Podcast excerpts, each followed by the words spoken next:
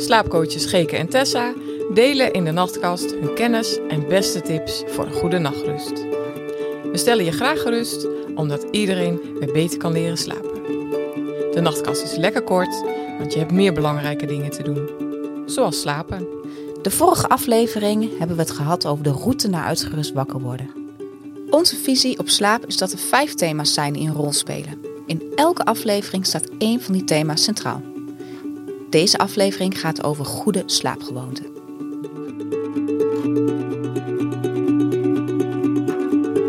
Geke, hoe was jouw dag tot nu toe?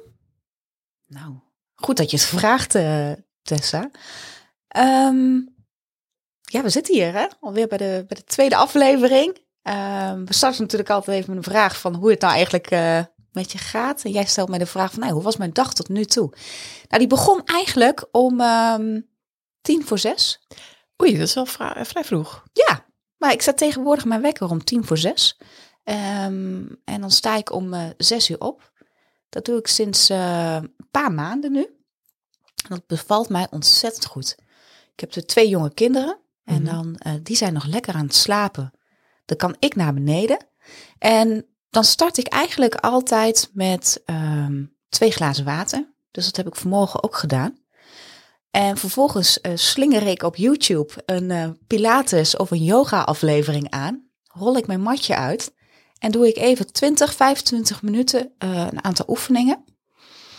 Dan ben ik om ehm, nou, half zeven ongeveer, iets later, ben ik klaar. En dan begin ik eigenlijk met het klaarmaken van het ontbijt. En nou ja, dit is een, een ochtendroutine die ik ongeveer nou, drie keer per week, denk ik, doe. En het bevalt mij ja, supergoed. Ik ben gelijk lekker wakker. Ik heb gelijk mijn oefeningen gedaan. Ehm, dus ja, dit is iets wat, eh, wat wel goed bij mij past. Past waarschijnlijk ook wel goed bij mijn ritme, moet ik zeggen, omdat ik een ochtendmens ben.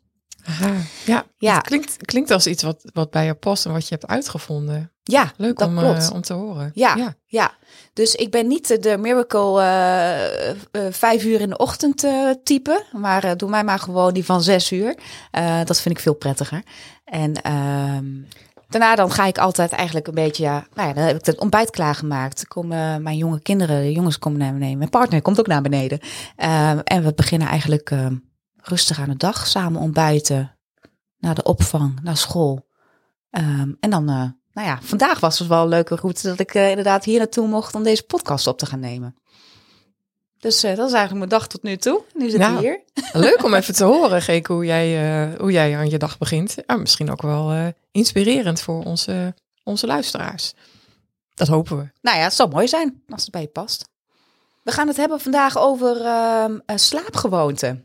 En ehm, slaapgewoonten zien wij eigenlijk als ehm, ja, slaaphygiëne. Ik vraag me wel eens inderdaad van, nou ja, ehm, aan, bijvoorbeeld tijdens een workshop inderdaad van, nou ja, wat, wat is dat nou hè, slaaphygiëne? En, Beetje eh, een ingewikkeld woord eigenlijk, ja, hè? vind ik ook. Ja, en dan krijg je ook wel van, ja, dat is regelmatig je bed schoonmaken. Nou, dat klopt. dat is een van de onderdelen. Eh, dat is wel net zo fris. Eh, maar eigenlijk bestaat het uit zeven thema's. Het is eigenlijk meer een verzamelnaam, hè? Dat zo moet je het zien. En het is eigenlijk zeven thema's. Zijn eh, voeding, eh, beweging, omgeving, comfort, ontspanning, mindset en routines. En ehm, ik denk dat het wel leuk is om even te gaan starten bij omgeving. Ja, want we gaan al die thema's, want het komt best wel snel voorbij eh, nu allemaal. Want Ja. We gaan ze allemaal eventjes rustig langs, hè? Ja. Om te vertellen van wat we daar precies mee bedoelen. En zodat je misschien ook bij jezelf even na kan gaan van hoe, hoe doe ik dat eigenlijk? Of is daar misschien iets wat ik, eh, waar ik een beetje aan wil eh, sleutelen? Dat is eigenlijk ons doel, hè? Om deze zeven thema's eh, die met slaaphygiëne en slaapgewoonten samenhangen, om die eventjes, nou ja, allemaal langs te lopen. Ja, klopt. Want wij zien dit ook wel als een hele goede voorbereiding hè, voor een fijne nachtrust. Deze zeven thema's. We beginnen bij omgeving. Hè? Dus de omgeving waar je, waar je gaat slapen. Nou, de meeste mensen slapen eigenlijk altijd op dezelfde plek. En misschien heb je ook een, eh, als je samen slaapt met iemand, heb je vast eh, je favoriete kant waar je slaapt. Ehm, dus omgeving gaat over, nou, slaap je alleen, slaap je samen, eh, misschien met een partner of met je kinderen of met een huisdier. Dat kan natuurlijk ook. Ehm, het is fijn als je uh, tevreden bent over je slaapkamer. Als je het ziet als een frisse en uh, fijne ruimte waar je graag bent. En omgeving, dat gaat ook over.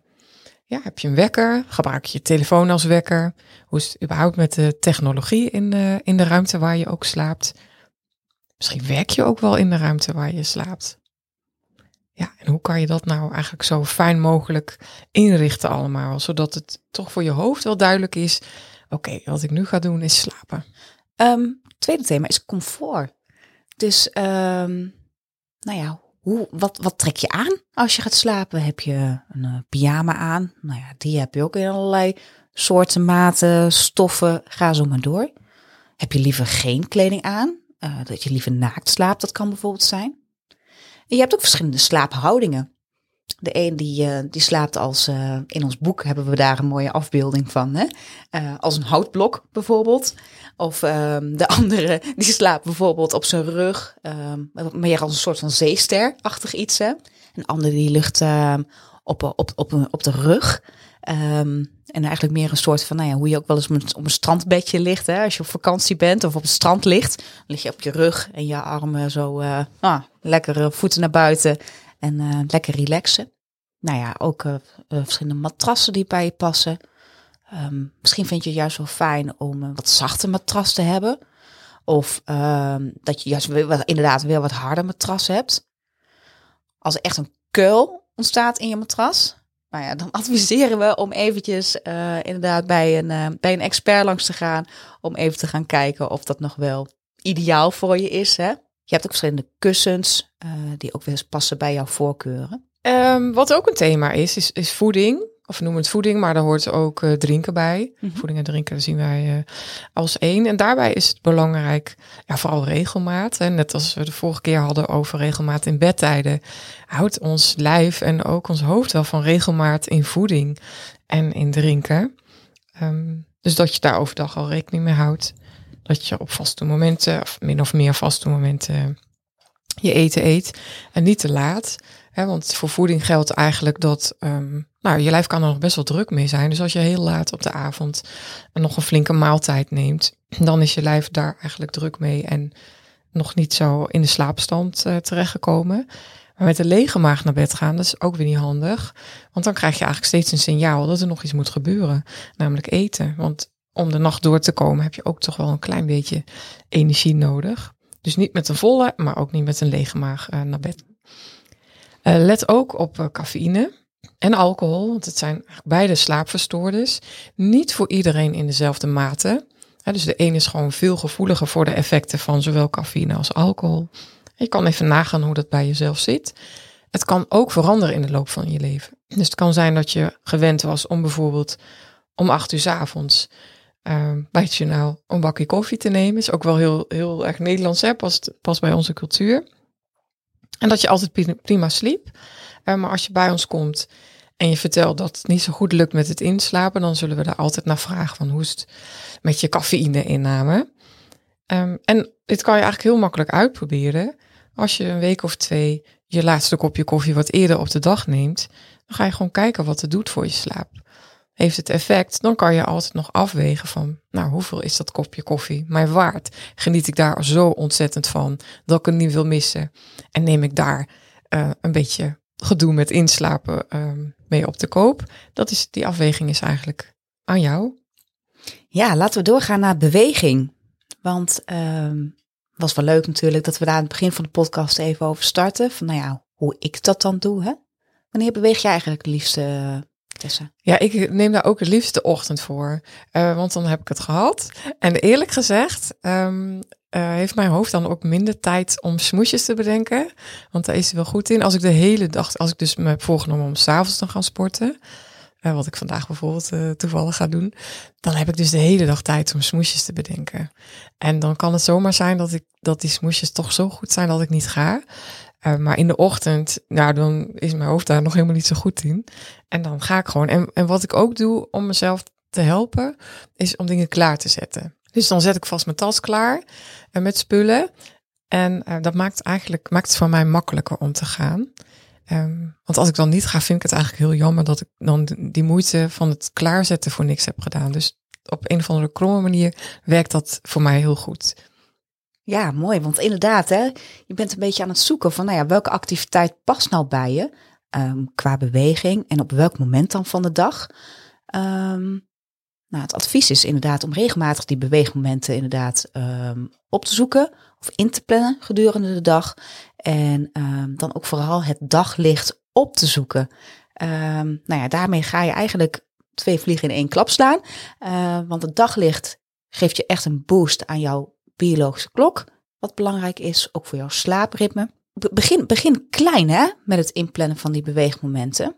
Dus nou ja, heb je bijvoorbeeld bepaalde doelen om bijvoorbeeld uh, je fitter te voelen? Ja, welke stap in de goede richting kun je dan zetten? Begint dat bijvoorbeeld al bij een, korte lunchwandeling? Of uh, begint dat inderdaad bij uh, in de ochtend een paar oefeningen doen? Of nou ja, juist in de avond. Maar goed, denk groot, begin klein, maar vooral begin.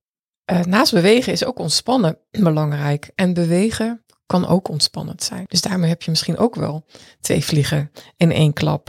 Maar we zijn wel gemaakt um, voor rustmomenten overdag. We kunnen, dat willen we misschien wel, maar we kunnen niet de hele dag in een in hoog tempo door. Dus ook pauzes houden horen erbij en zijn ook belangrijk om uh, s'nachts goed te kunnen slapen. Dus een rustige dag is een rustige nacht. En wat je kan doen is de natuur ingaan.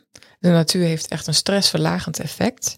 Uh, maar ook lezen heeft dat effect. Of mediteren of mindfulness of, een aandachtsoefening, hoe je dat maar ook wil noemen. Ademhalingsoefeningen.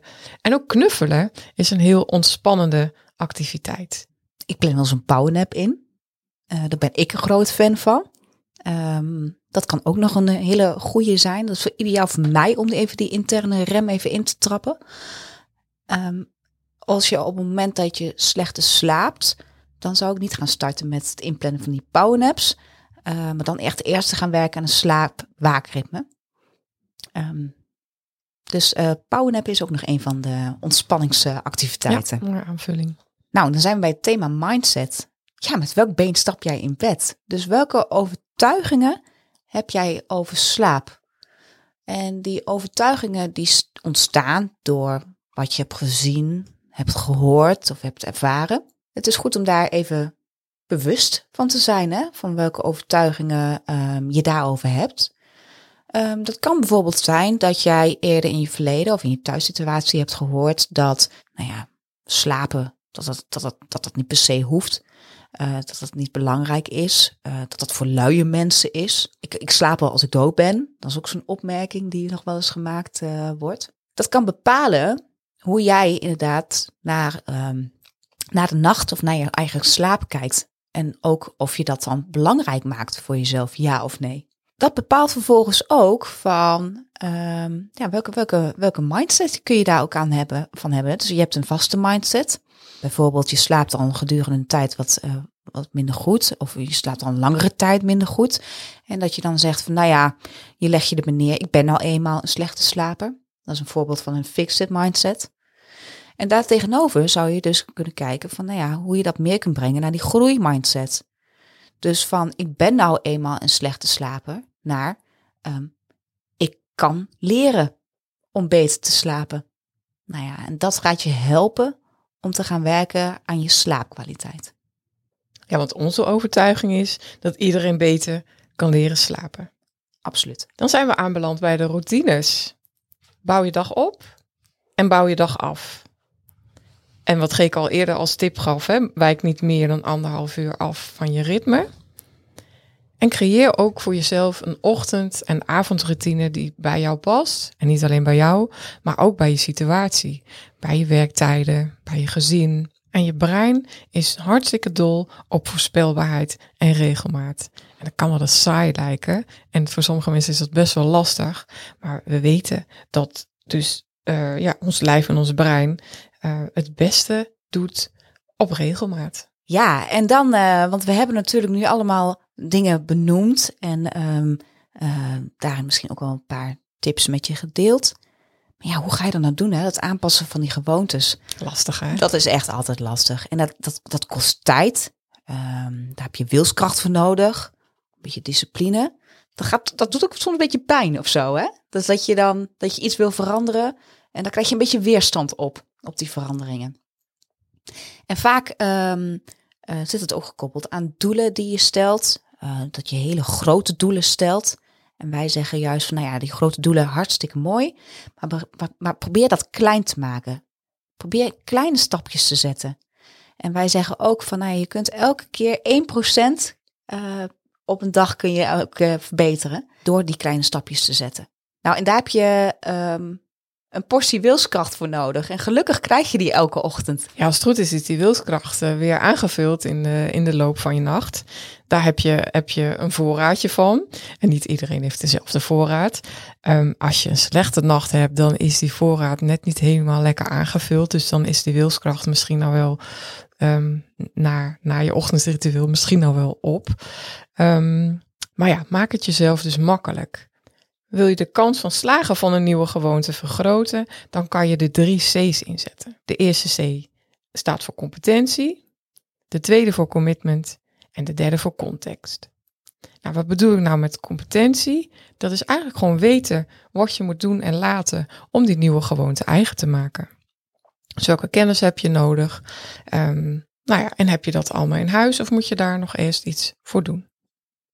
Commitment gaat erover of je wel echt gemotiveerd bent om die nieuwe gewoonte onder de knie te krijgen. Dus voel je de noodzaak om te veranderen. En context gaat over de omgeving waar je in bevindt en maakt die het je makkelijker of misschien zelfs wel moeilijker om je nieuwe gewoonte te laten zien. Een voorbeeld daarbij is, nou hebben we het wel over voeding, is dat je de dingen die je eigenlijk niet meer wilt eten, die leg je verder weg of die verstop je. Leg je in de kelder, zodat je daar moeite voor moet doen om die erbij te pakken. En de dingen die je graag wil eten, zoals bijvoorbeeld groente en fruit, die leg je in het zicht. En daarom maak je het jezelf, daarmee maak je het jezelf dus makkelijker om je nieuwe gewoonte eigenlijk je eigen te maken. We gaan door naar de stelling van deze aflevering. De nacht is een spiegel van je dag. Alles wat je overdag meemaakt, wordt in de nacht herhaald. En dat is wel dat je. Uh, dat het wel interessant is om te gaan kijken van wat je eigenlijk overdag doet. Maar eigenlijk zeggen we hiermee ook dat de nacht al begint uh, op het moment dat je s'morgens opstaat. Ja, en niet pas een half uurtje voordat je gaat slapen. Dus stel je voor, je gaat als een, als een dolle stier door je dag. Hè? Je ja. doet hartstikke veel, je krijgt lekker alles gedaan, flink tempo, pauzes, ach ja, dat komt morgen wel weer. Nou, dan kun je eigenlijk wel donder op zeggen dat jouw nacht er ook best wel actief uit zal komen te zien. Ja, klopt. En je hebt gewoon een langere remweg nodig in de avond. Um, om weer eventjes los te komen van die gehaastheid overdag. Al met al, ja, wij vinden de nacht is een spiegel van de dag. Geke, heb jij misschien nog een voorbeeld uit de praktijk die gaat over, over slaapgewoontes en slaaphygiëne? Ik begeleid veel vanuit mijn werk ook veel sporters inderdaad. Nou ja, voor sporters is slaap natuurlijk een ontzettend belangrijke herstelactiviteit. Dus op het moment dat daar wat speelt, dan wil je daar eigenlijk uh, zo snel mogelijk inderdaad naar kijken van nou ja, hoe kun je dat nou verbeteren?